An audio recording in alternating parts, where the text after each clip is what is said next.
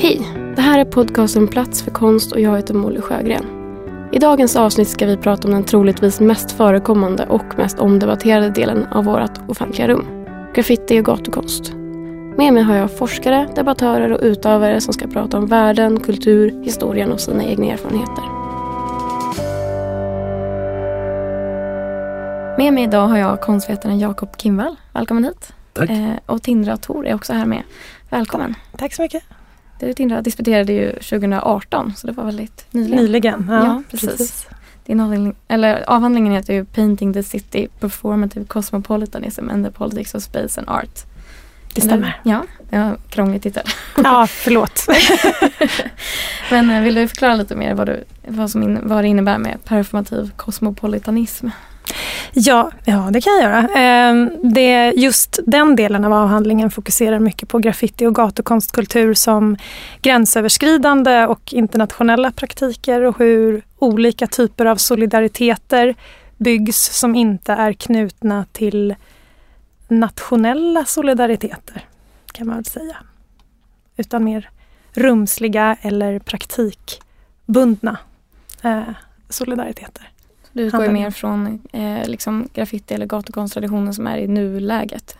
Mera. Ja, absolut. Det är en, eh, ett eh, samtidsporträtt kan Mm. man säga av Stockholm. Framförallt ja, det är Stockholm som det fokuserar på i Mm. avhandlingen. Jakob, du har ju forskat länge om de här frågorna kan man ju säga. Eh, och eh, du brukar, eller jag vet inte, jag har, det, jag har hört dig prata många gånger om gränserna mellan konst och graffiti och hur de liksom fälten eh, flyter ihop eller inte. Eh, vill du prata lite om din ingång till det här ämnet? Just. Ja, min ingång är egentligen flera. Jag, jag började ju, jag har en bakgrund som graffitimålare på 80-talet och tidigt 90-tal och sen jobbade jag också med en tidskrift som heter Underground Productions, UP, i rätt många år. Och sen var jag väldigt trött på det och började plugga. Jag hade gått lite olika utbildningar och jag började plugga egentligen för att bli lärare tror jag. Eh, men jag tog konstvetenskap ändå tänkte jag vet det kan man ju inte undervisa i på gymnasie eller högstadium som jag men eh, och då tänkte jag, när jag upptäckte när jag kom in på konstvetenskapen, här har jag ju massa verktyg att liksom diskutera och analysera mina egna erfarenheter med faktiskt i, i väldigt hög utsträckning. Så mitt perspektiv som jag hoppas att jag bidrog med var att, att liksom väldigt mycket graffiti och gatukonstforskning som hade gjorts hade gjorts utifrån eh, en forskarroll mot en subkultur. Och min perspektiv var ju att ta eh, ett perspektiv från subkulturen mot det omgivande samhället och titta på liksom mer på samhällets strukturer. Och då blir ju konstvärlden en sån där eh, omgivande eller delvis överlappande struktur som blir intressant att undersöka.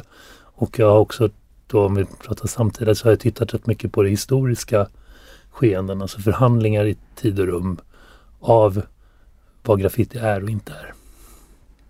Mm. Uteslutningar och inneslutningar. Ja, hur kom du in på det här ämnet Tindra? Alltså jag har alltid, jag har, målar då inte graffiti. Eh, men eh, jag har alltid varit intresserad. Jag har på mycket med musik eh, och dans. Eh, så att jag har alltid varit och alltid varit intresserad helt enkelt. Eh, tittat mycket. Ehm, och sen eh, så var det Eh, ett projekt som jag sökte till. De där det redan var, det skulle handla om graffiti, det var liksom redan förutbestämt så att säga. Men när jag såg det så kände jag ändå att det här är, det här är min grej. Det här ska jag göra nu. så att, eh, ja, så blev det. Mm, för när man pratar om graffiti som subkultur så brukar det också inkludera då typ musik och dans och gatukultur i mera social form eller vad man säger. Är det så i alla fall eller är det? Ja, alltså man brukar ju räkna graffitin som en av de fyra elementen inom, inom hiphopkulturen. Sen har ju vissa vänt sig emot de där väldigt rigorösa, det misstänker jag att Tindra också stött på, alltså debatten inom kulturen. Vilka kulturella kontexter som egentligen är relevanta och inte relevanta. Mycket, så, som jag uppfattar det idag så många av de som är aktiva på graffiti och kanske inte har någon tydlig hiphop-identitet. Nej, det skulle jag nog också säga att det har liksom förändrats ganska mycket. Jag tänker att det här är en stor skillnad ändå från eh, graffiti i Sverige på 80-talet eh, och nu. Eh, att det finns, jag tänker att det finns andra då kanske subkulturer som den åker in i mer eh, än just eh, de andra klassiska hiphop-elementen. Eh, Vilka då till exempel? idag? Mm. Nej men jag tänker att det finns stark, alltså på, på ett sätt så finns det ju liksom någon koppling till andra liksom, urbana kulturer som kanske så här skatekultur. Eh, men även så här, elektronisk musik tänker jag är mycket mer vanligt att se i liksom, filmer. Om man kollar på Youtube och sånt där så är det mycket den typen av musik kanske istället för eh, hiphop. Mm. Ehm, och det Och- tänker jag är annorlunda. Precis, om vi ska tänka också på den här, uh, om jag har förstått det rätt, så upprinnelsen till Snösätra som vi säkert kommer återvända till, den platsen i Stockholm som ju är väldigt central i din avhandling bland annat Mm. och som har blivit en väldigt viktig plats för samtida eh, graffiti och gatukonst. Eh, det är ett upplagområde i, utanför Rågsved. Där, så som jag i alla fall fått det berättat, började det ju med en rave. Ett rave. Ja. Alltså att man målade inne och utanpå en av lokalerna för att det skulle vara ett rave. Så där ser man en väldigt konkret koppling mellan elektronisk dansmusik. Men sen tror jag också att den här gränsen mellan vad som är vad som idag är techno och hiphop är nog mycket tydligare idag än vad den kanske var eh, på tidigt 80-tal. Alltså mycket tidig hiphop är ju elektro. Ja. Eh, så det finns en sån där strid också. Där, och där också DJn är den centrala artisten, inte lyriken eller inte rapparen. Så, där, det är också, så det kan man säga att det är kanske i viss mån det är åtminstone lika mycket som har hänt på, på, inom rapmusiken som inom graffitin att det idag uppfattas som olika subkulturer. Och för mig som kulturhistoriker tänker jag två, två strategier kan jag identifiera på fältet. Det är de som liksom väldigt ihärdigt och väldigt puristiskt håller fast vid att hiphop är det, bäst, det mest res, relevanta kulturen för att förstå graffiti och de som helt tvärtom helt vill ta avstånd från det. Och för mig blir båda de här strategierna väldigt problematiska. För hiphop är en extremt viktig kulturell kontext om man vill förstå hur graffitin kommer till Europa, hur den uppstår i USA och så vidare. Men eh, däremot kanske inte den typen av hiphop eh, och graffiti eh, subkulturella identiteter som finns idag är, är, är, ser ju annorlunda ut. Så jag brukar skilja mellan hiphop som identitet och hiphop som kulturell kontext. Eh, ja.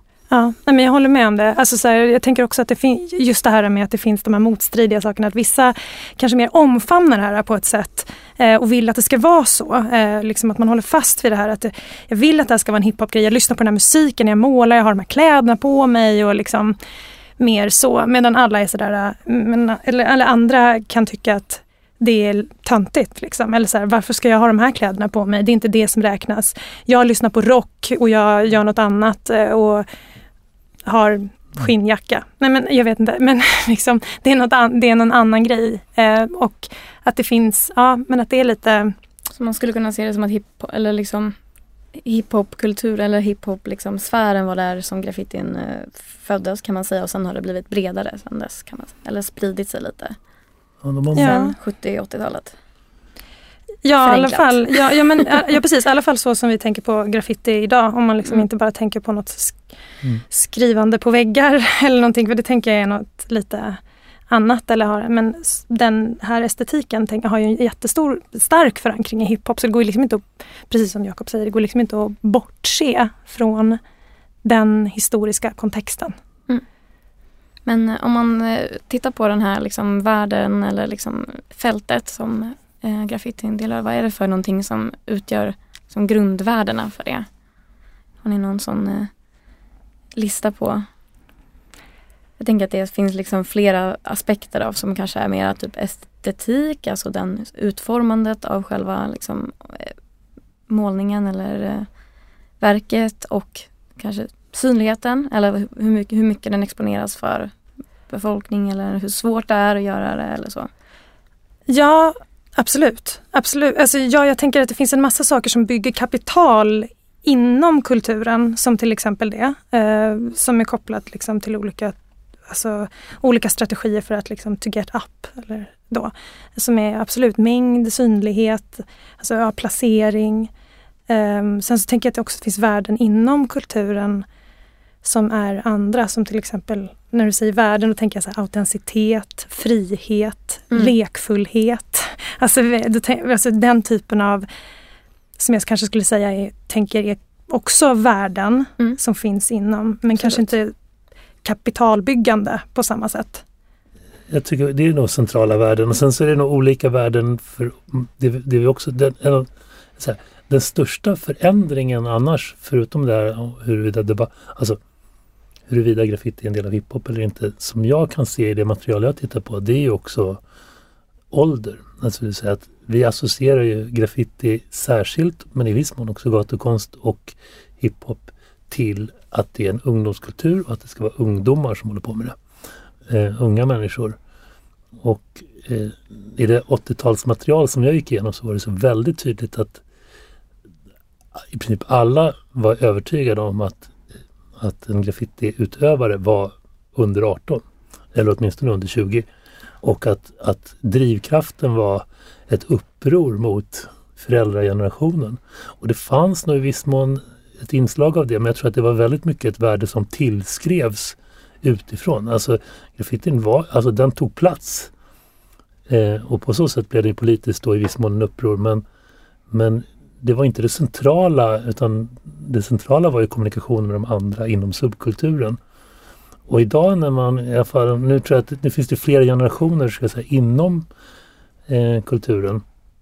Men en av de tydligaste sakerna man kan se är om man i alla fall går till de öppna eller lagliga graffitiväggarna som finns eller, eller det snösatta så kan man ju se att det är en transgenerationell struktur. Det vill säga att lite som vi var inne på skating innan, alltså att, lite, som när man går till kommunala skateparker så står föräldrar med sina barn. Alltså det vill säga det är något som inte är en konflikt med generationen utan snarare att föräldragenerationen för över till sina barn i viss mån. Och det är ju en väldigt stor förändring både, jag tror att det är en förändring både i praktik och i förståelse. Fast samtidigt ligger de här förståelsen om att det är barn som håller på kvar. Det är ju väldigt mycket, jag har tittat mycket på nolltoleransen mot graffiti och hur man resonerar varför man ska ha den. Och då har det ju väldigt ofta handlat om att skydda barnen från den här destruktiva subkulturen. Och med tanke på att en del av de mest aktiva graffitimålare är, är mellan 40 och 50 idag så blir det ju väldigt förfelade strategier. Ja, och det är fortfarande verkligen en levande fördom, om man ska kalla det det. Det här med att det är en ung, alltså det är Mm. ungdomar. Alltså folk blir väldigt förvånade. Alltså när, i min avhandling så har jag intervjuat folk som är mellan 16 och 53.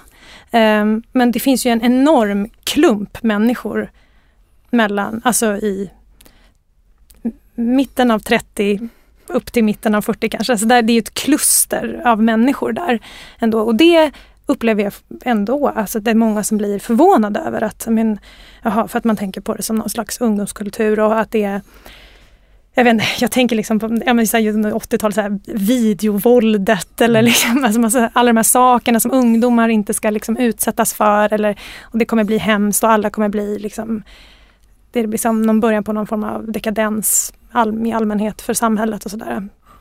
Men sen så, och jag tänkte också på det här du pratade om, eh, du sa eh, kom, att eh, graffiten är liksom just det här med kommunikationen inom gruppen. Det tänker jag också, eller jag har i alla fall pratat lite så om att det kan vara ett sätt att tänka på skillnaderna också eventuellt mellan graffiti och gatukonst. Att graffiti är väldigt mycket eh, intern kommunikation, alltså man pratar med eh, sina peers mer medan gatukonst har en lite mer extern adress.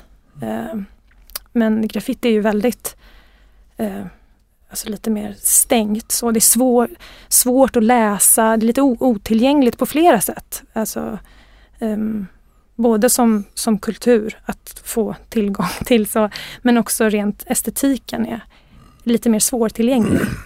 Så vilket gör att det är lite internt. Mm. Men det tänker jag, eh, jag det, apropå, det här är inte min forskning men mer en sån här reflektion som jag, jag tänker ibland så här, så jag tittar inte så mycket på gatukonst men jag har följt det ganska mycket och, och sen graffiti och sen konstvärlden i en annan sån kontext som jag har varit och det var så roligt, eh, konstvärlden hade ju, när gatukonsten började slå igenom runt för ungefär 15 år sedan så var ju konstvärlden väldigt förtjust i, i gatukonsten, man märkte det.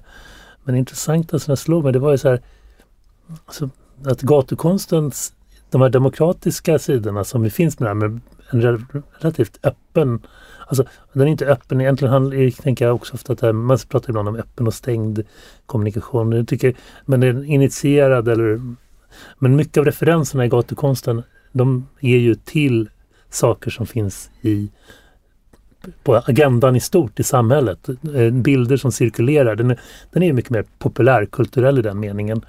Eh, den har inte ett subkulturellt struktur på samma sätt medan graffitin har. Men då tyckte jag så här, men konstvärldens gillar ju det här för det är den självbild som del av konstvärlden vill ha. Det öppna, demokratiska, tillgängliga.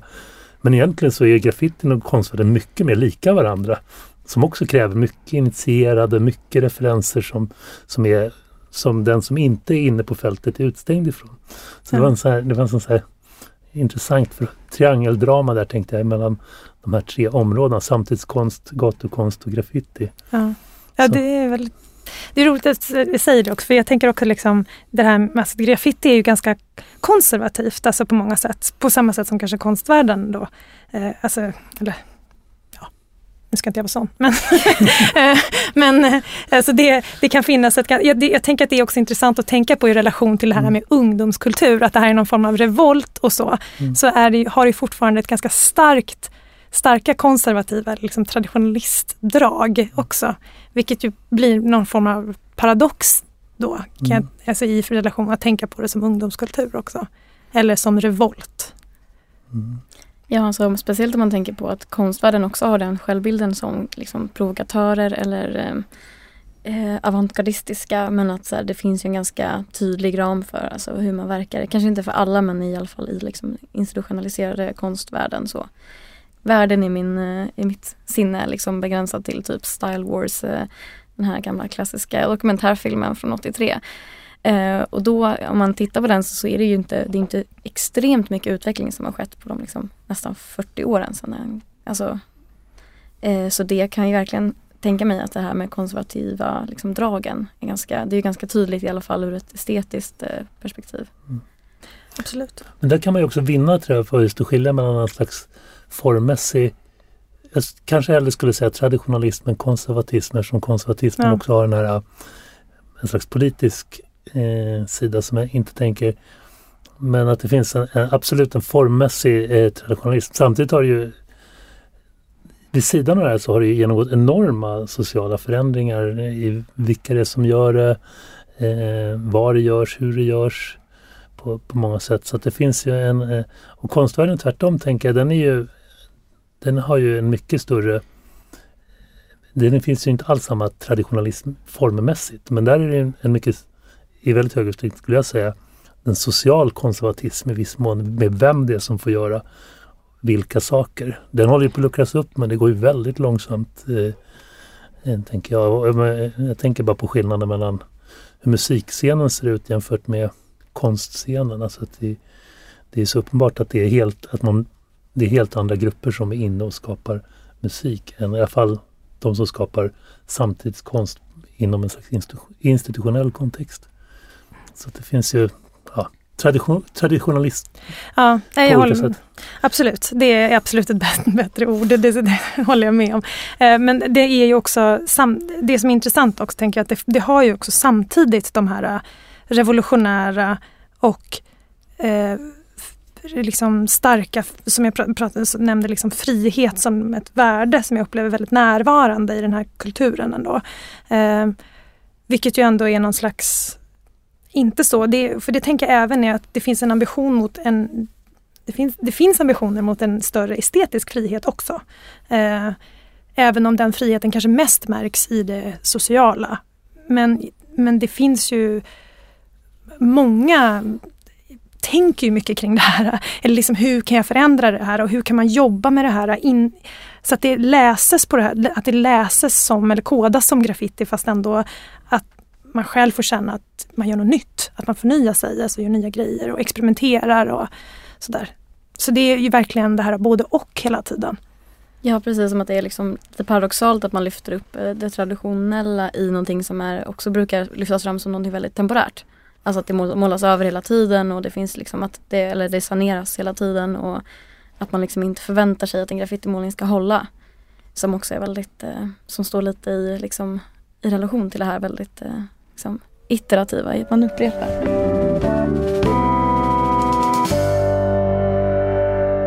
Ja, så nu har vi också blivit eh, fått sällskap av eh, nästa gäst här som är Stellan Larsson. Du är inbjuden som eh, sakkunnig kan man säga. Före Ja. detta graffare men också ja, väldigt insatt i den här världen. Ja, Välkommen jo jag har vuxit upp med graffiti kan man Ja. säga helt enkelt. Som ändå flera av eh, de andra Som gästerna har Jakob gjort. också, men, ja. Vill du berätta lite hur du, hur du kom in i den här världen eller hur du liksom Mm, hur kom, introducerad för graffiti? eh, blev inte introducerad, jag liksom växte upp i klotter environment bara helt enkelt och liksom det var en naturlig del av tillvaron Mm. kort och gott. Så det var ingenting som jag säger idag ska jag börja klottra, det, det var liksom med hela tiden. Var Mm. det. Men idag så ser du inte dig själv som mm, graffitimålare. Nej, det gör jag inte faktiskt. Absolut inte. Men, eh, eller, nej inte en aktiv graffitimålare men jag ser mig ändå som en graffitimålare som min person. På. Mina värderingar och så har formats av den kulturen. Oerhört mycket. Just det, men Så på ett sätt. Nu är vi inne på det vi pratade om innan också Mm. med centrala värden. För ett sånt där centralt värde som vi kanske var inne på lite grann och snuddade vid är ju aktivitet. Eller alltså att, att, att vara aktiv. Ja, Och eh, det är det som är intressant att liksom det fanns en väldigt stark sån norm inom subkulturen graffiti att så här, hade du inte gjort en målning eller ens taggat på, på några månader så var du ju då var du ju inte en målare längre. nej precis Och det är, exakt. den, det är den normen som, som Ja. krockar här med din identitet Ja. tror jag. Ja, skulle jag säga att jag är graffitimål, då hör jag hur de här, de som är aktiva nu sitter och den där jävla tönt, jag ska döda honom." Hur kan han säga att han är graffitimål? Han har inte, han lägger hemma i soffan med sin familj i 15 år. Det måste ju ske varje vecka liksom för att Mm. få säga så egentligen. Precis. Så det, här är det omvända. Det är liksom, vi pratade innan om det där med liksom identitet respektive praktik på något sätt. Här är det liksom det blir så konstigt att man inte får ha den identiteten helt plötsligt. Det är ju ingen som Ja. skulle ifrågasätta eh, jag menar, jag vet inte när eh, när Rakim släppte en album sist, han gjorde väl säkert det, men han, han uppfattas ju tror jag av en del yngre som en för detta, föredetting. Men det är ingen som skulle säga att han inte är rappare. Nej, Eh, nej du har rätt. Nej, nej visst.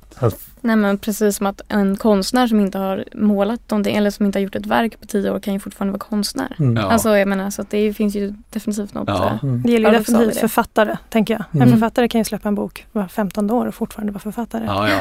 Jo, Alla verkligen. Det skulle ju nästan uppfattas som lite kokett om man sa Jag är inte författare Nej. längre. Jag har släppt Ja, sju böcker men jag är inte författare. Nej, jag är inte det. Jag på. Men jag tänker det finns också en intressant sak med just aktivitet som är ändå kopplad till eh, ehm, typ Instagram, Facebook eller liksom olika typer av so- so- sociala medier. Man ska säga.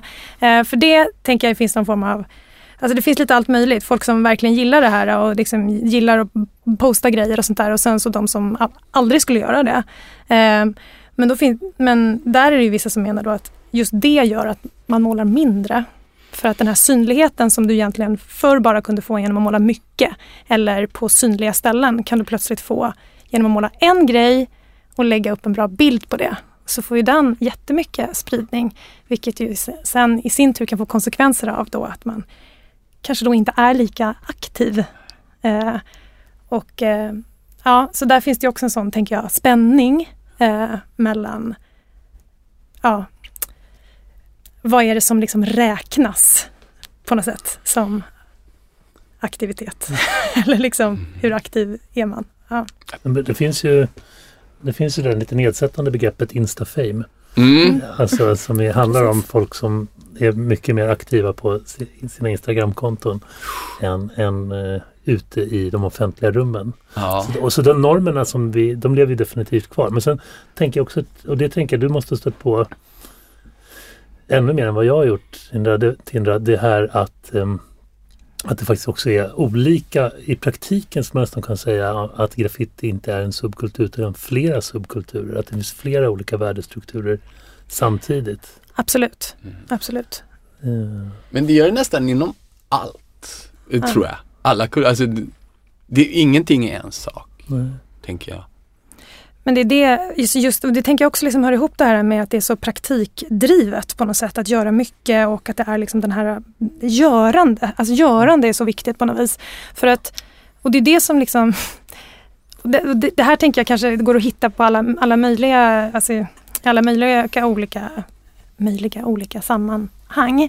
Men att man liksom överskrider en massa sådana här andra saker. Det finns en massa andra värden eller man lever i lite olika kulturella världar och eh, sådär. Men att det här liksom blir någonting förenande då eller man liksom kan mötas i just det här görandet på något sätt och att det skapar något eget i sig. Men det gör ju liksom också allting till väldigt, alltså lite rör, eh, brokigt eh, på något sätt. Eh, men eh, att det är liksom att görandet är så centralt mm. på något vis. Men är det lika centralt i streetarten? Jag funderar på det ibland. Eller? Nej. Jag tror inte riktigt för det är väl mitt intryck också när jag åker på streetart och graffitikonferenser. Apropå att vi... Alltså det är, ingen skulle säga att det är två helt olika saker. Nej. Men Verkligen. de flesta skulle nog säga ändå att, att idea, liksom det är lite olika normer och de, det är två fält som till viss del överlappar varandra. Där det är samma konstnärskap i ett sammanhang kan räknas som ett gatukonstnärskap och ett annat som ett graffitikonstnärskap. Visst objekt kan ibland vara ett gatukonstobjekt i ett annat sammanhang. Men det finns ändå en skillnad och jag tänker Alltså när jag är på de här konferenserna, jag klickar ju mycket enklare fast jag numera i huvudsak är forskare och inte graffitimålare så har jag mycket lättare att umgås med många av de här graffarna som kommer dit. Och, och vi just klickar i, i görandet liksom att man, ja, men man ger upp, man liksom sitter och ritar varandras böcker och man Alltså, och det är ju säkert utestängande för vissa men det är också som du säger öppnande åt vissa håll.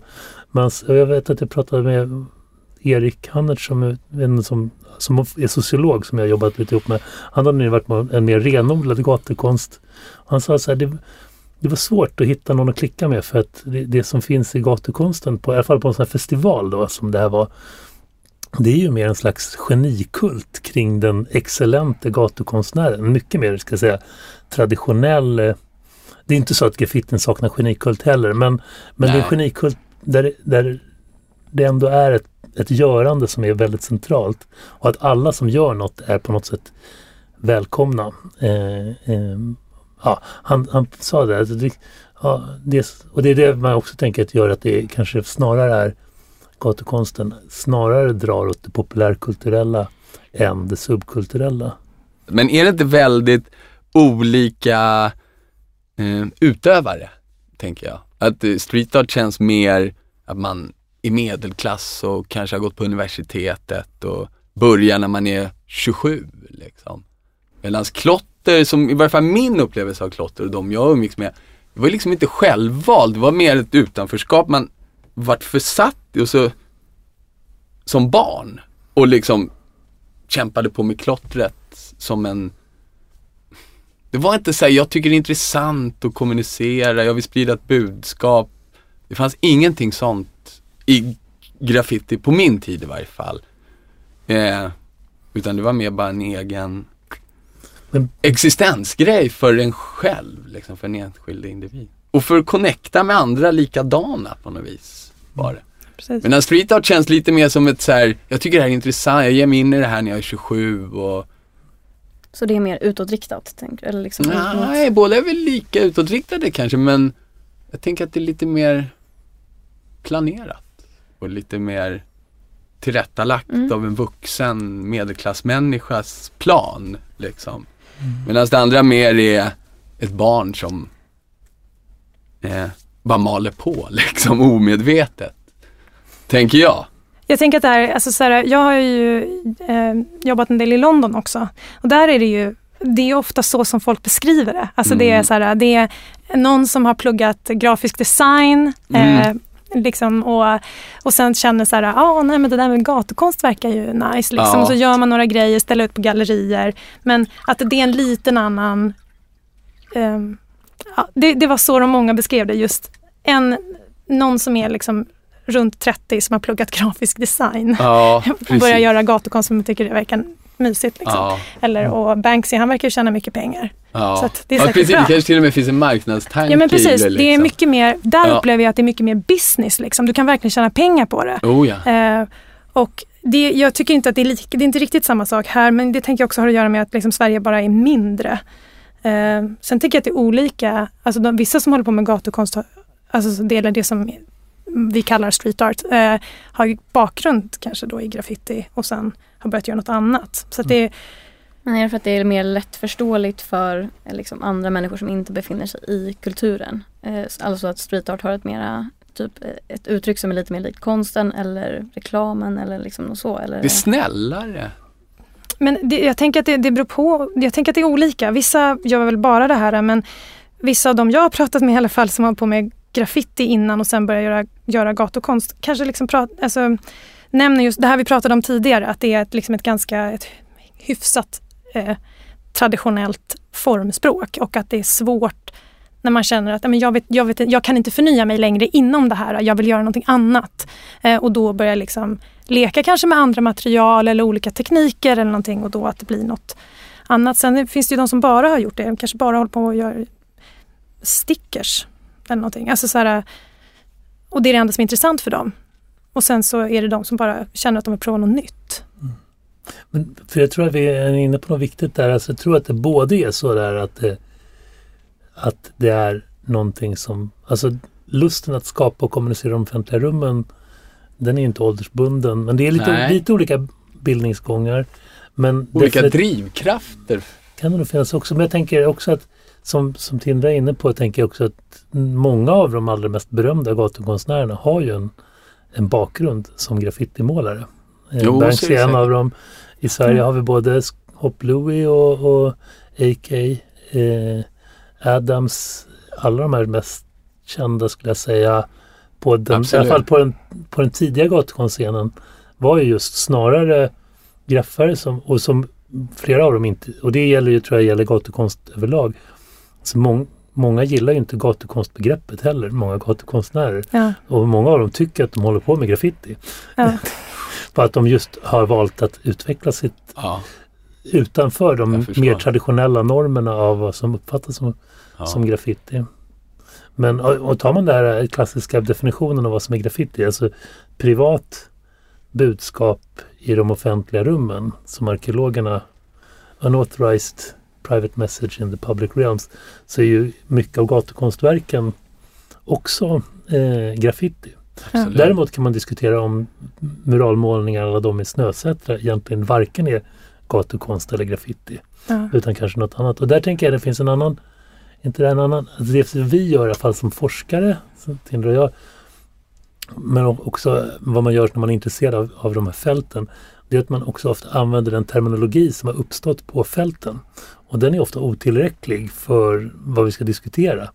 Och det tänker jag att där finns ett problem och en utmaning för oss forskare att vi kanske också måste hitta ett språk som, alltså där vi inte använder de empiriska begreppen, det vill säga de som är skapade här och nu för att betyda någonting i en viss funktion. Utan när vi ska beskriva det här kanske vi borde ha nya ord och nya begrepp eh, för att beskriva det. Och då kanske vi helt plötsligt får syn på att det är inte så jävla stor skillnad nödvändigtvis mellan de här sakerna.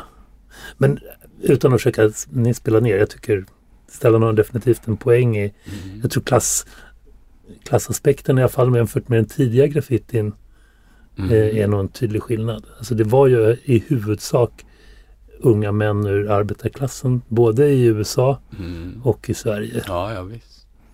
Eh, jag tänkte att vi kunde hoppa lite för vi är ändå inne och ja. pratar om det här med Snösätra eh, som är som ett utomhusmuseum i, som byts varje år. Så man bjuder in konstnär, eller liksom konstnärer, graffitimålare från hela världen eh, som gör nya verk där. Eh, och det är ju för liksom, det är ju ganska likt ett vanligt museum skulle man kunna tänka. Och jag tänkte att vi skulle prata lite om skillnaderna mellan liksom, när man museifierar graffiti eh, och eh, ja, kanske också institutionaliserar. Eh, för det vi pratade ju om tidigare att det också liksom visas på gallerier redan liksom på 70-80-talet och att eh, det liksom finns med i graffitins historia hela tiden men kanske är en del av det som inte heller får så mycket utrymme i historieskrivningen eller i, i debatten idag. Mm. Eh, så jag tänker att ni kanske får prata om hur, eh, hur Snösätra upplevs av de som, eh, de som är verksamma inom kulturen men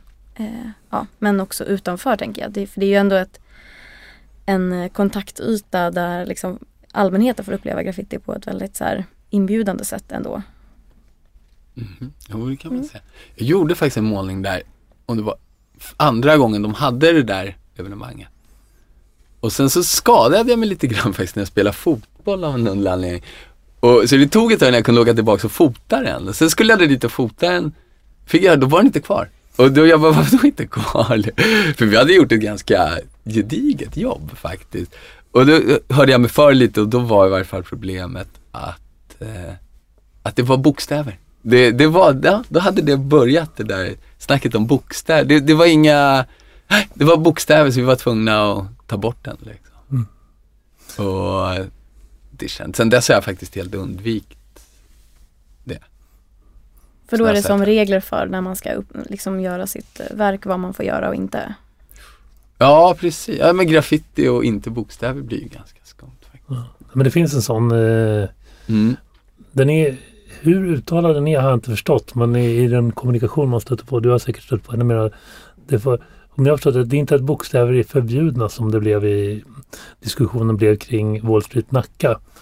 Eh, utan, eh, och det vet jag inte om de var där heller, men utan det var att bokstäver får inte dominera.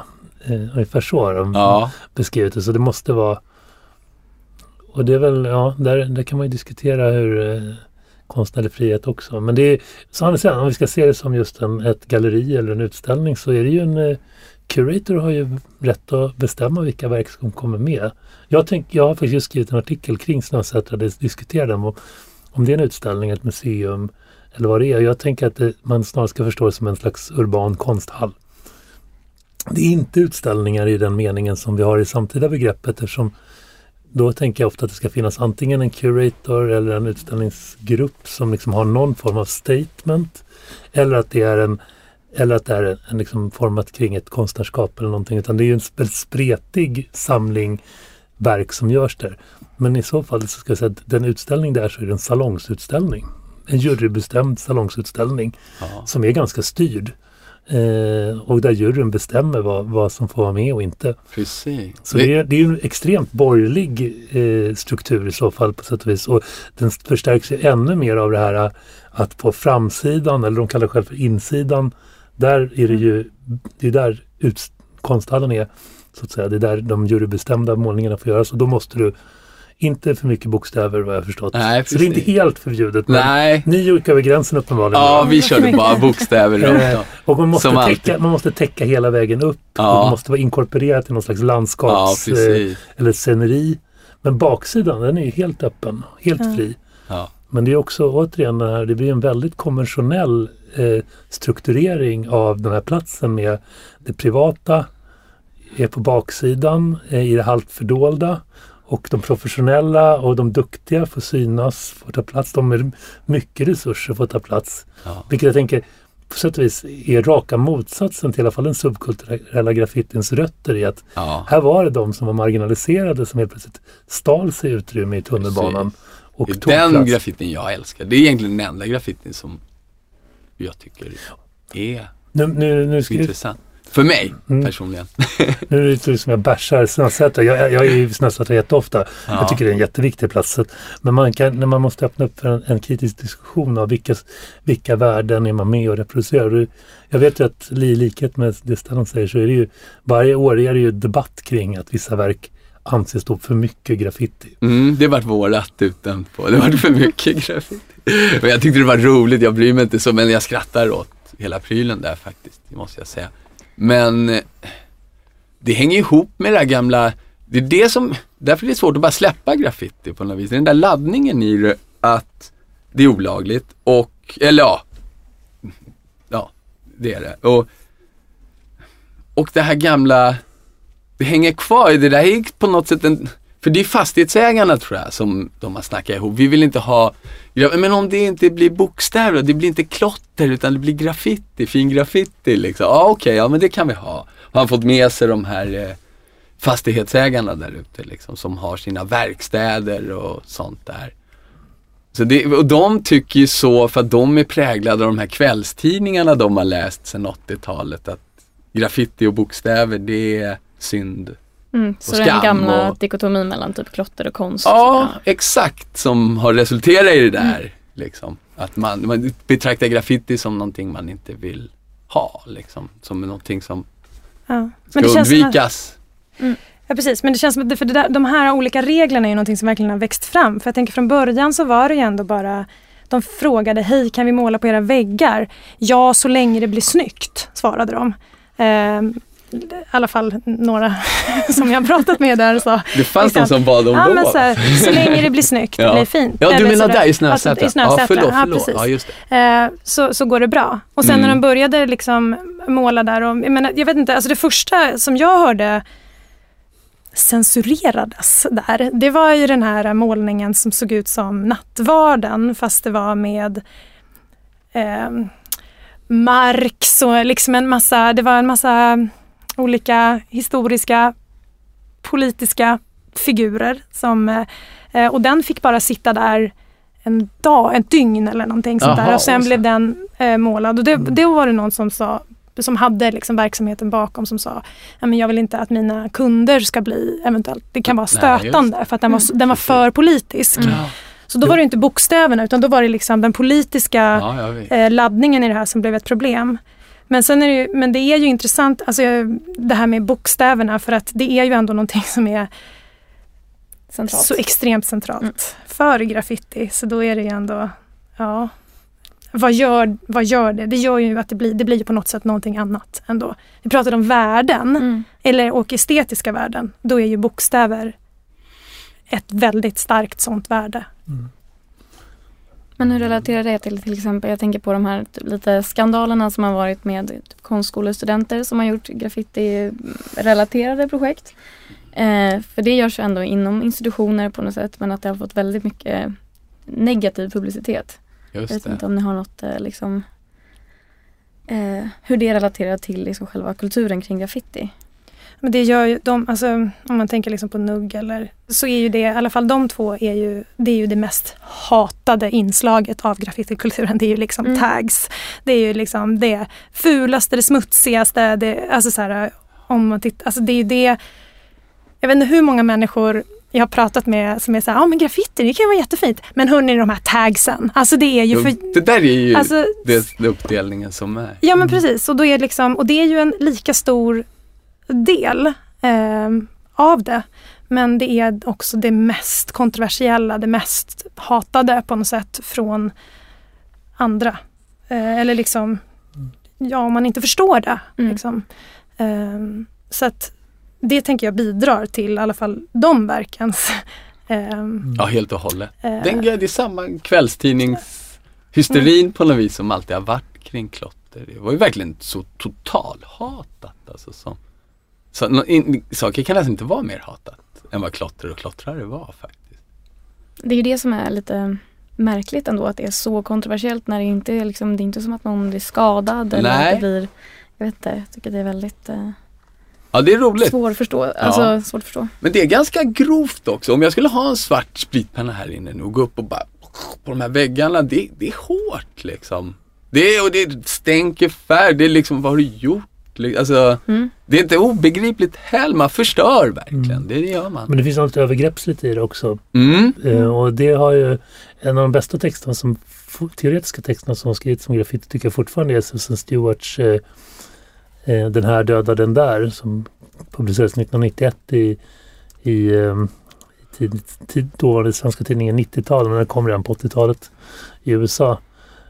Men där hon skriver om det här liksom att, att taggen ju, att det finns något väldigt märkligt. Att det, alltså hon menar, om jag minns henne rätt, det här är min tolkning av det snarare kanske, Ja. att det finns någon, något perverst i taggen. I ordets bokstavliga mening, alltså att vända upp och ner. För egentligen om man tar, om man helt dekontextualiserar taggen Mm. så är det egentligen kalligrafi.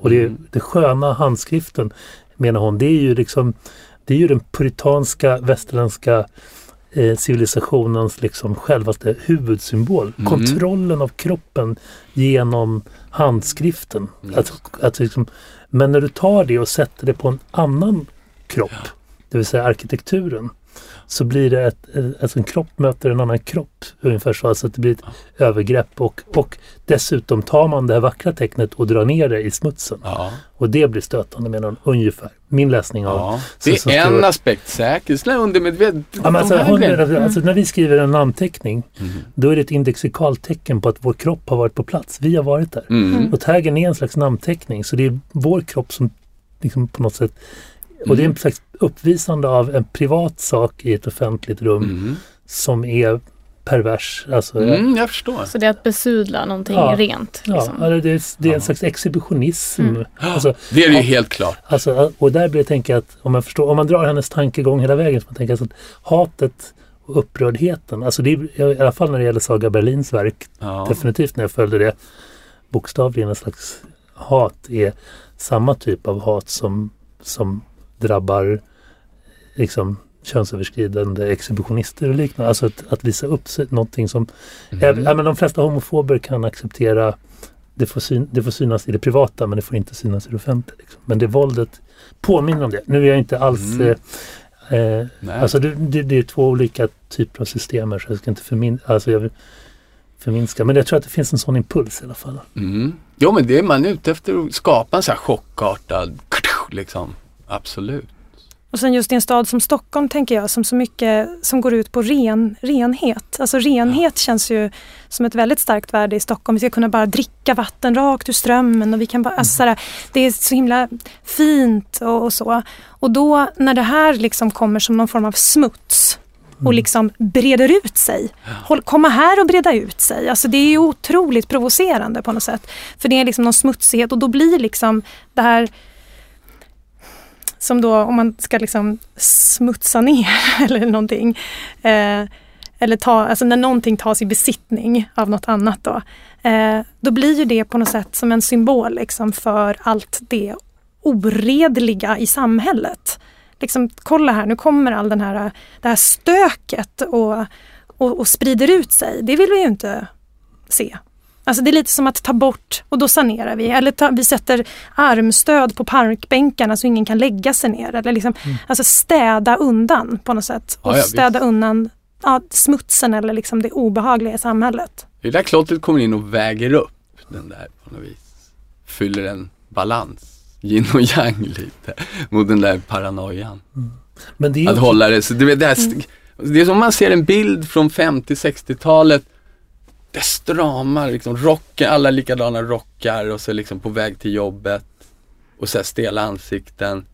Rätt härligt då tänker jag, ungdomar som bara psh, hoppar ner på spåret och bara pang klirrar rutor och Tycker jag, jag känner att liksom, man, alla hade blivit sinnessjuka om det inte hade hänt liksom.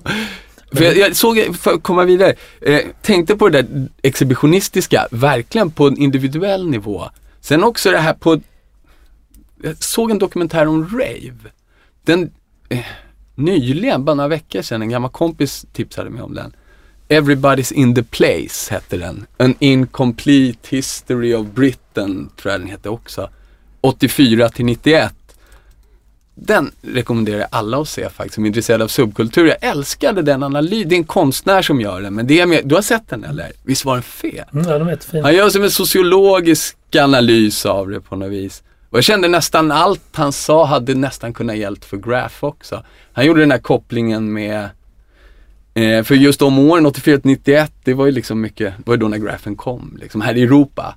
För han det här är också Europa från England. Och mm, han gjorde det här med taking over the means of productions. Det är det också liksom. Jag menar tunnelbanan och vad egentligen, det är en transport till fabriken mer eller mindre. Där i rave-sammanhang handlar det mycket om det här att man snodde lådor. De gjorde ju samma sak som Graphmall. Vi stal ju färg. De snodde ju sina slingor och lappade ihop låtar av liksom med samplingar och man bara snor lite grejer och så kör man liksom i så här ställen man inte ens är. Man äger ingenting liksom. Man, till exempel så här warehousefester i gamla fabrikslokaler. Så det var som en transition liksom mot en mer individualistisk från industrialismen mot det här som är nu. Till digitaliseringen och var ju som att man gjorde, nu snackar jag om båda grejerna samtidigt, rave och graffiti, men för mig hänger det ihop helt och hållet. Men det var ju som att man gjorde tunnelbanan till sitt eget Instagramflöde liksom. Och polarna också forsade på från andra sidan stan med sina poster liksom. Så att det var som ett förstadie till det.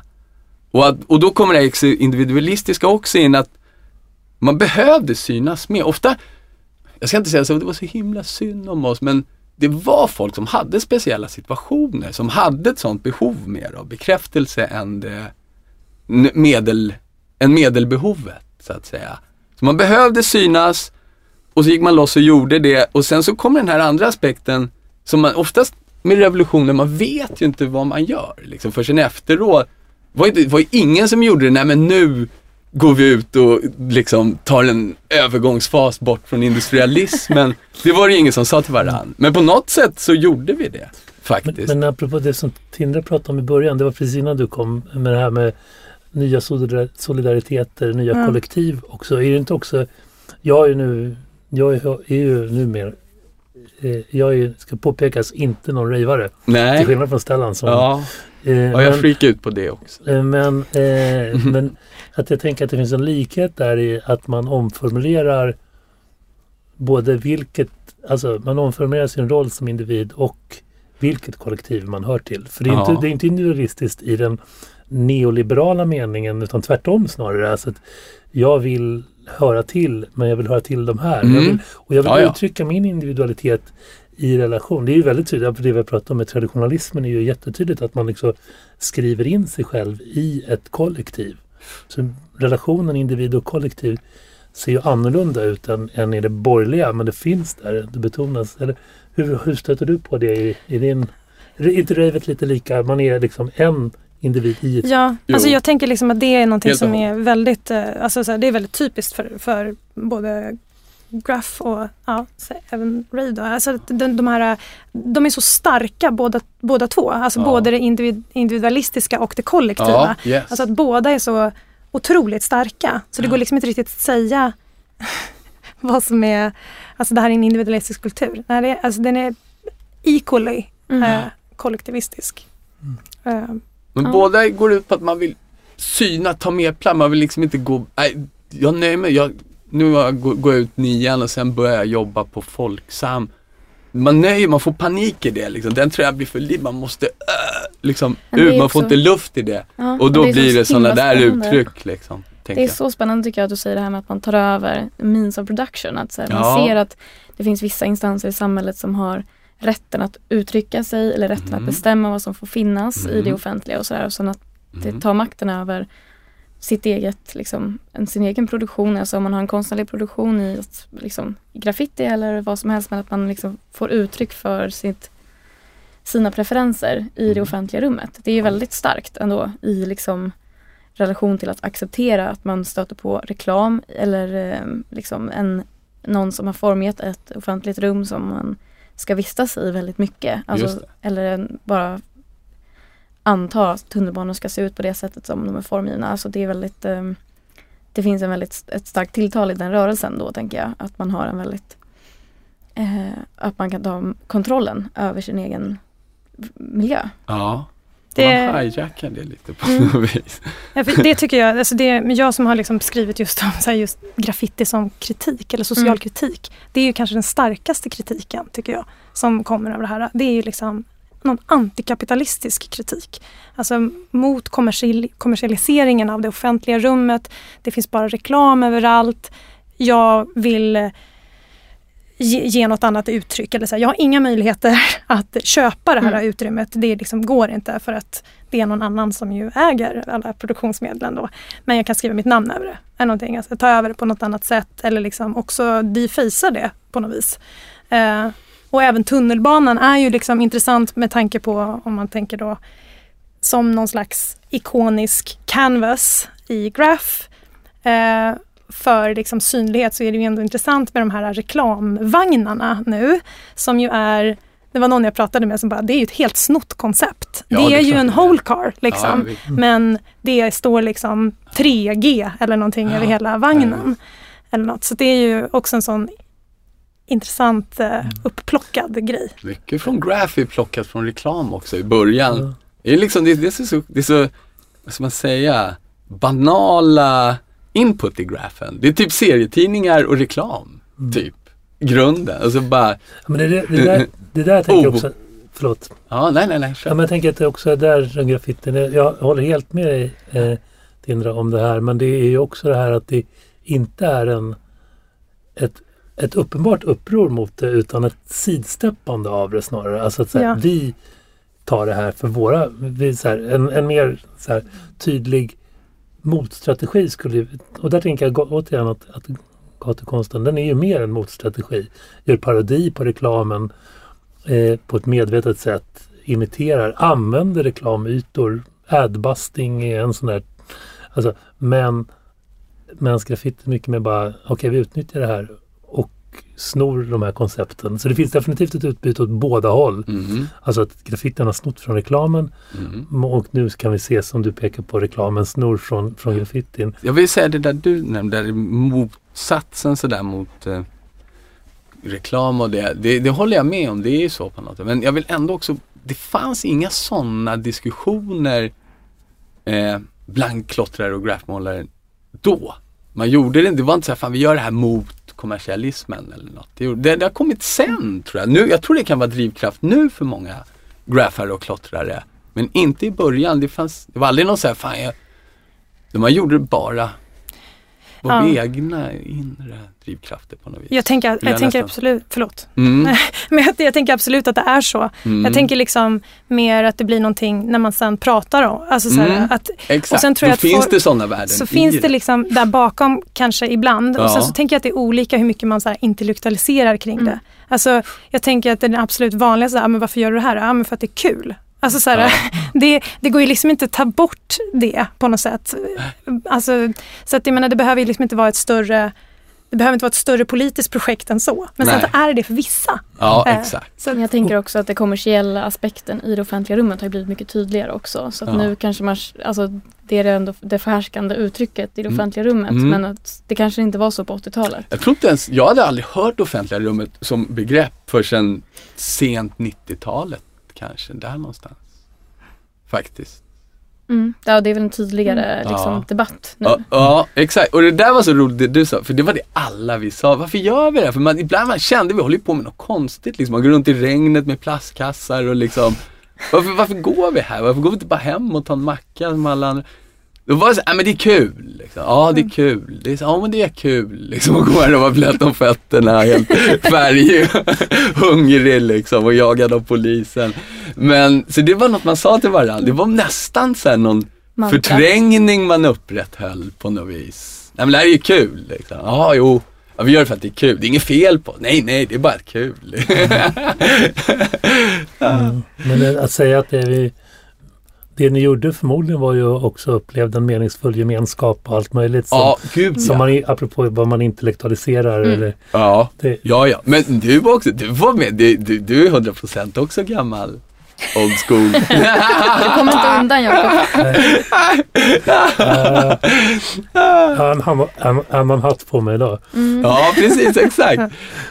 Men eh, fan, hade inte du haft den där gamla skärmössan också, det hade varit svårt. Du hade inte kunnat haft den här hatten nu. Förstår du vad jag menar?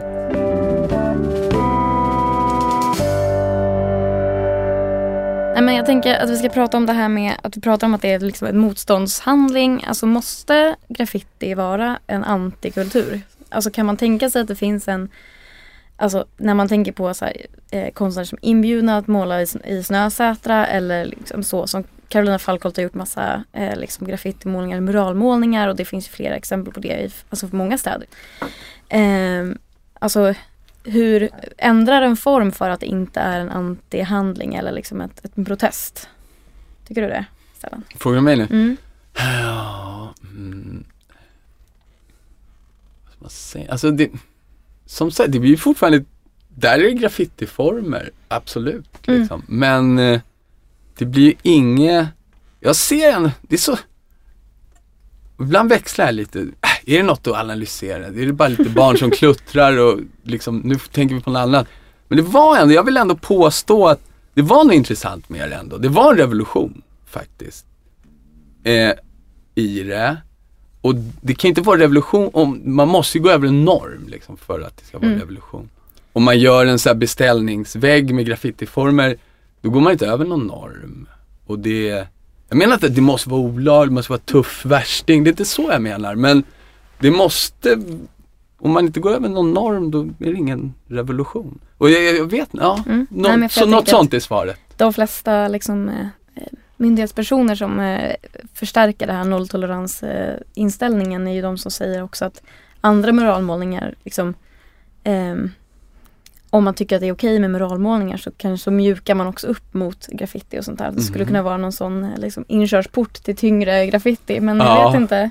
Det kanske inte Nej. jag är nyfiken på Ja. den motståndshandlingen. Hur viktig är den för, ja, men mycket viktig? för den graffitin som jag älskar så är den ju det enda, alltså helt avgörande. Fast är det verkligen det enda?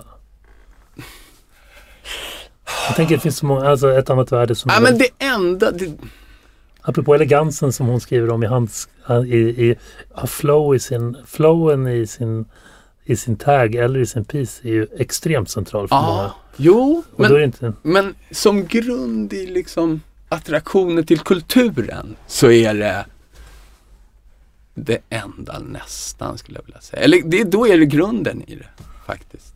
Mm. Tycker jag. Just att det var, att man, att det var normbrytande. Mm helt enkelt. Än om vi typ hade stått på bildoformen och gjort exakt samma former och satt upp nere i aulan och liksom haft en utställning på Kulturhuset med och så hade det stannat där. Då hade det inte kickat igång. Det, det var just att det får inte, man får absolut inte göra sådär och det var ju det som var faktiskt avgörande för mig.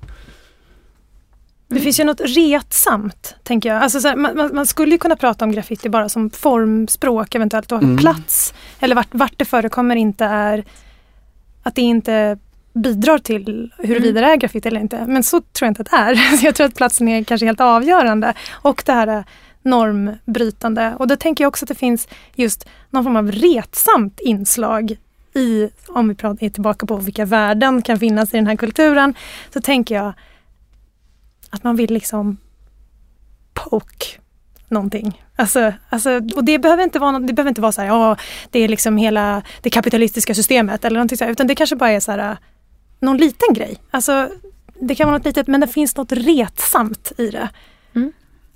Jag tänker om man pratar om till exempel om man, är Instagram, om man har en Instagram-fame så att man har eh, då kan man ju inte veta om, den är best, alltså om det är en beställd målning. Eller, alltså om man Mm. tar en bild på en målning på en vägg så är det fin, man, platsen och omständigheterna blir ju på något sätt liksom lite upphävda. Men det är kanske Mm. därför som det också ses ner på lite. Mm. Ja, Men jag tänker, är det inte också man kan skilja mellan vilka, vilka normer som finns inom subkulturen? Mm. Där det där liksom gränsöverskridande är väldigt centralt och vilka praktiker. Jag tänker bara på, jag följde ju den här så kallade Tantoväggen som var den första öppna graffitiväggen i Stockholm som formellt var laglig och avsedd för det Ja. och även invigd av kommunen. Eh, alltså den här, en sån här sak som har sagts både bland, eh, jag stöter på det bland museifolk och liknande, alltså folk som jobbar i kulturbranschen, att det enda riktiga är ju egentligen den olagliga graffitin. Men också inom nolltoleransen säger de så här, det är egentligen inte det, det här som är det viktiga utan det är men jag ska säga, ja, det finns, det, för det första måste man ju tänka att det finns flera strukturer samtidigt. Och sen kan ju vissa normer leva kvar fast praktikerna har förändrats. Det, säga, det är i princip, en, jag skulle gissa att en genomsnittlig målning på tantoväggen sitter typ i tre timmar. Ja, skulle jag nog också Alltså säga. trycket på den här väggen. Ja. Om det var så att det bara var, alltså här har, vi, här har, vi här har kommunen gått och pekat ut så här. Ja. Här är två 20 höga och eh, 12 meter långa väggen. Här får ni måla om ni vill. Ja.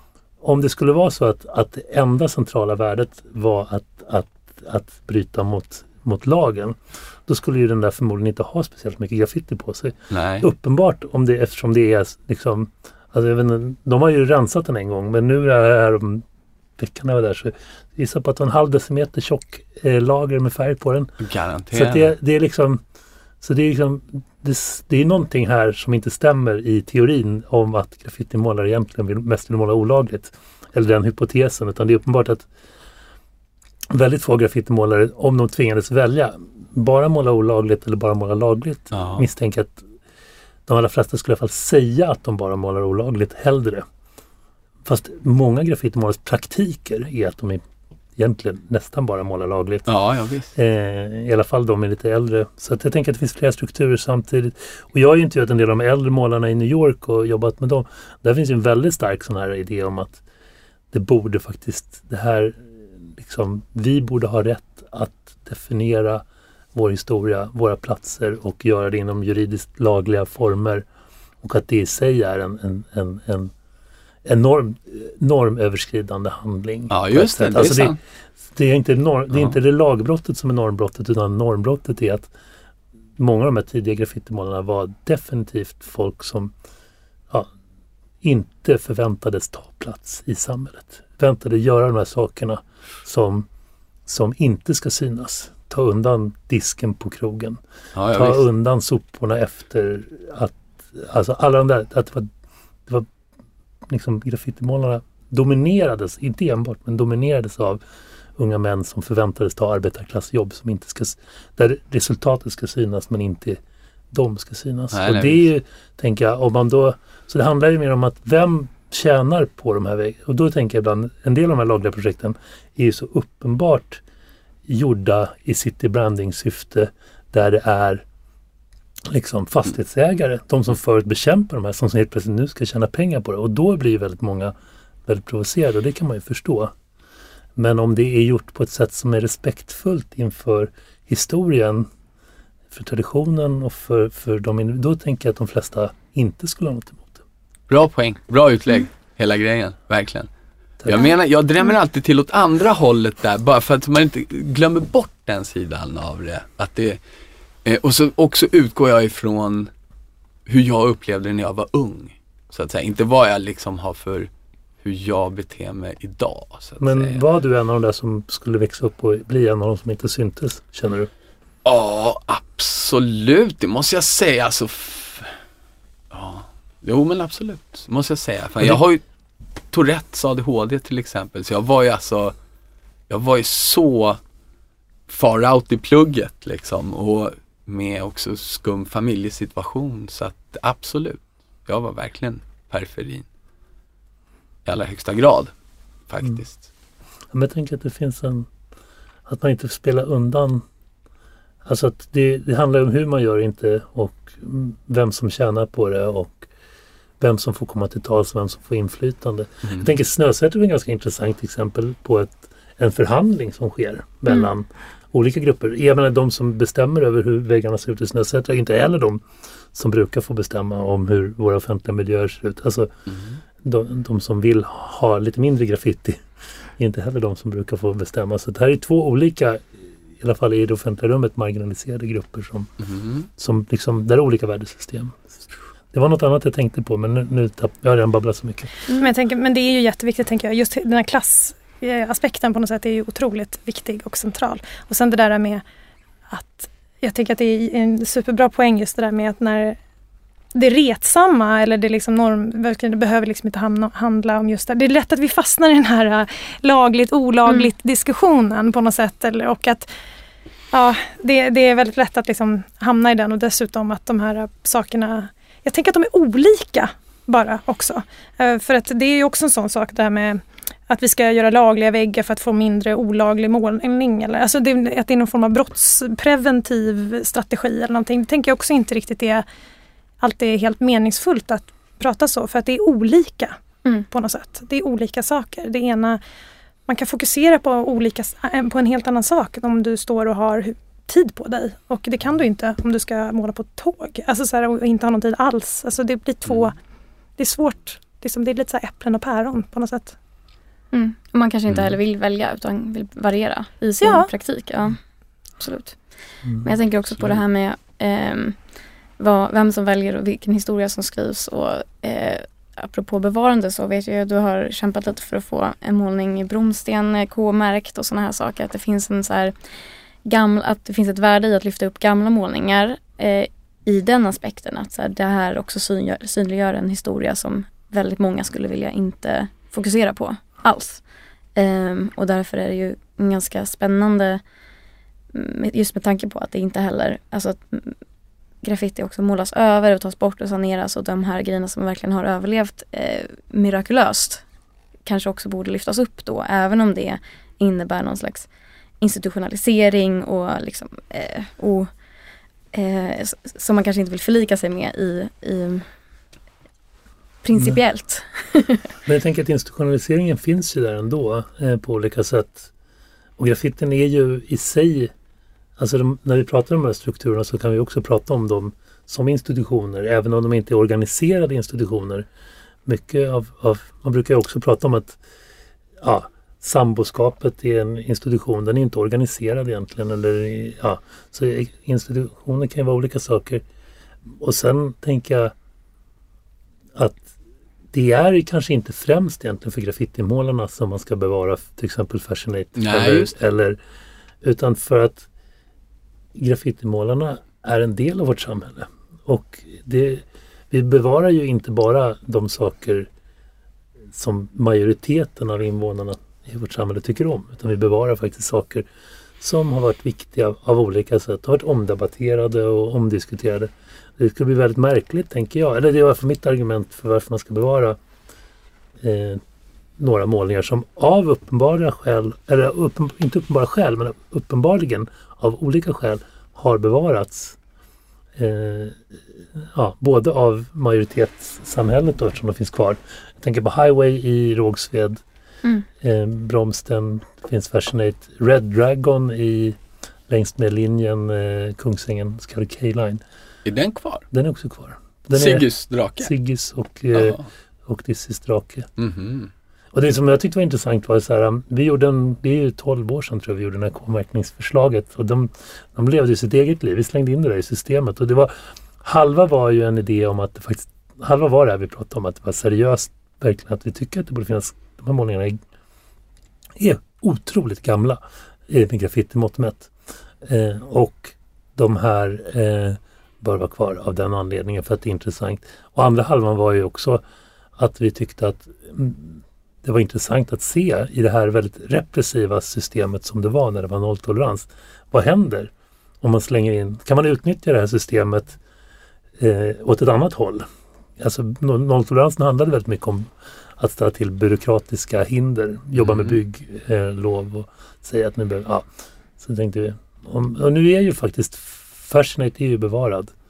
Men det intressanta var att den flög ju, den levde sitt eget liv också väldigt mycket. Det, den flög iväg oberoende av vad Tobias Barentin Lindblad och jag som skickade den här ansökan från början, vad vi tyckte och vad jag tror graffitiscenen tyckte. Många brydde sig nog inte. Några tyckte, jag följde lite diskussionerna på WOA som fanns då. Men det, mitt intryck var ju till exempel att skulle graffarna få bestämma så hade det inte varit nödvändigtvis de här fyra målningarna. Nej. Kanske, jag skulle tro att av de här fyra målningarna så hade Red Dragon varit den som hade rankats högst, som hade högst status. Ah, Men eftersom, eftersom, eftersom Fascinate var gjord av två personer som sen också gjort en karriär och fått resurser i det offentliga sam samhället bortom subkulturen. Tarek Saleh som numera är filmregissör och, eh, och jag ska säga är ja, väldigt känd. Och eh, Circle som är en väldigt känd tatuerare. Eh, han är kanske inte lika känd i, i allmänhetens ögon. Så, så den målningen, så då, det vi kunde se var ju ändå att återigen de här omgivande samhällets liksom, strukturer kickar in väldigt snabbt i en sån här process. Och den fick mycket mer uppmärksamhet än någon av de andra målningarna. Eh, jag var... tänker att det är väldigt tydligt. Det att det också har gått ganska många år sen för att nu när Highway blev övermålad blev det sånt stort ramaskri. Mm. Eh, och att det verkar vara, även om den liksom är beställd och eh, okej okay, eller liksom eh, in, inte olaglig och eh, sådär så kanske inte jättehögt ansedd i enligt vanliga graffitimått mätt men att den ändå var så det har blivit så stor, eh, det stort, en stor uppslutning kring mm. den här målningen. Det visar ju ändå på något sätt hur alltså, eh, liksom inställningen till graffitin också mm. har ändrats ganska mycket. Absolut, och jag, jag var ju där när den hade monterats. Mitt intryck var ju också att det kanske inte var så att det var den mest älskade på ett medvetet plan målningen. Men att det var uppenbart så att väldigt många som kom där den här eftermiddagen efter att då och där, i, alltså nästan man, lite, man vet inte vad man har förrän man förlorar det. Mm. Alltså så här, Att det verkligen, den har ju suttit där i 30 Ja. år. 30 års ungdomar har gått Mm. in och målningen är ju gjord över hela fasaden och man går så att säga bokstavligen in i målningen om man ska gå in på ungdomsgården och då kan man också gå ner mot centrum. Så liksom, man går ju in i den här målningen i 30 år, alltså 30 år Alltså den som började gå på gården då 1989 när den var ny och var 12, den är ju den är ju liksom eh, i 45-årsåldern Mm. idag. Så det är ju det är många generationer som har gått till den där målningen och då, det var först i samband med att den som jag tror att den verkligen vaknade till. Eh, som, som, så ja, sen får vi se vad som händer. Jag hoppas att de kommer bevara den men det, Den var häftig just där också. Den, den, det sved till lite för mig när jag såg att den vart övermålad. För den, den skulle vara där på något vis. Mm. Just där var också graffitikulturen, skulle nästan säga starkast faktiskt, då på den tiden. Alla med hästsvans och namebelt där utifrån eh, Högdalen, Hagsätra, Rågsved. Det var liksom som ett uttryck, graffitikulturen var verkligen djup där just, de områdena. Men eh, hur påverkar det graffitins relation till institutioner och så? Jag tänker på museivärlden. Ibland, ibland får jag ju Ibland har jag eh, intrycket men, det, men man ska inte ifrån att det fortfarande finns ett väldigt kraftigt stigma, särskilt i Sverige och särskilt när det gäller just, som vi varit inne på, tags men graffiti Mm. överlag. Mm. Och tar man sig in på en institution så tänker jag också att det är inte helt lätt. Alltså strukturerna finns ju fortfarande kvar. Som individ måste man ju förhålla sig till dem. Jag vet flera som har liksom kommit in i museivärlden från graffiti och som ibland har så här idé om att de, nu ska vi göra, vi ska liksom göra graffitigrejer, äkta graffitigrejer på institutionen. Alltså när man väl tar sig in på institutionen och når den platsen i hierarkin att man får vara med och bestämma vilka, då har man ingått i en socialiseringsprocess där man helt plötsligt inte tycker att det här är det centrala att visa upp längre. Så att eh, man kan, jag har, det finns flera museifolk jag kan ha ganska initierade diskussioner som har koll på men som ju ändå aldrig skulle jobba för att det, och oftast blir ju den, då blir det ju ofta den här logiken som vi var inne på, nej men det hör inte hemma här. Jo, det kan det visst göra. Museer ställer ut allt möjligt som inte hör hemma på ett museum. Eh, om vi bara skulle ställa ut saker på institutionerna som bara var gjorda för att ställas ut på institutionerna skulle bli ganska andefattigt. Jag menar vissa skulle säga att det är ganska andefattigt på konstinstitutionerna också så att det finns visst eh, eh, men det är inte det enda vi gör. Men jag menar mycket av de saker som är på våra konstmuseer är saker som är skapade för helt, att vara helt andra typer av föremål. Så vi, vi bör kunna göra det och jag tänker bara för mig i alla fall som är, alltså konstvetenskapen är en extremt vit institution och i den här meningen som vi var inne på medelklassig i att det är en akademisk utbildning. Eh, vi skulle absolut inte lösa några problem med, med ojämlikhet vad det gäller genus när det gäller om graffitin skulle skrivas in i konsthistorien på allvar. Men vi skulle i alla fall helt plötsligt ha en kanon, en riktning med en kanon där majoriteten av de pionjärkonstnärerna var arbetarklassmän från eh, minoritetsgrupper. Eh, vilket ju skulle förändra vår syn på idéer om vem som gör konst Mm. och vilka som är rimligt, vilka som har tid att göra det, vilka som har möjligheter att göra det, begåvning och resurser och, och så vidare. Så att jag tänker att det finns, man får inte, alltså jag håller med om att vi, vi är ett antal gamla graffare som har tagit oss in på olika institutioner, mig själv undertecknade. Men jag, vet, jag tror ibland, jag använder ofta graffiti som exempel på olika saker i min undervisning. Så för många av de här studenterna är förmodligen graffiti en självklar del av konsten. Så, eh, så eh, det är ju inte något konstigt. Men, men jag tror ändå att ja, jag tycker det är viktigt att tänka på att strukturer kan leva på flera plan samtidigt. Ibland tänker jag att egentligen är inte det här en subkultur. Eh, för att det är så jäkla många som håller på med det. Ja, just det. Utan det är snarare en, en stigmatiserad sektion inom mainstreamkulturen. För alltså, om man tittar på de undersökningar som har gjorts många år i rad med ungdomar som går i nian och första året på gymnasiet tror jag, så gör man ju så här, där gör man ju brottsundersökningar.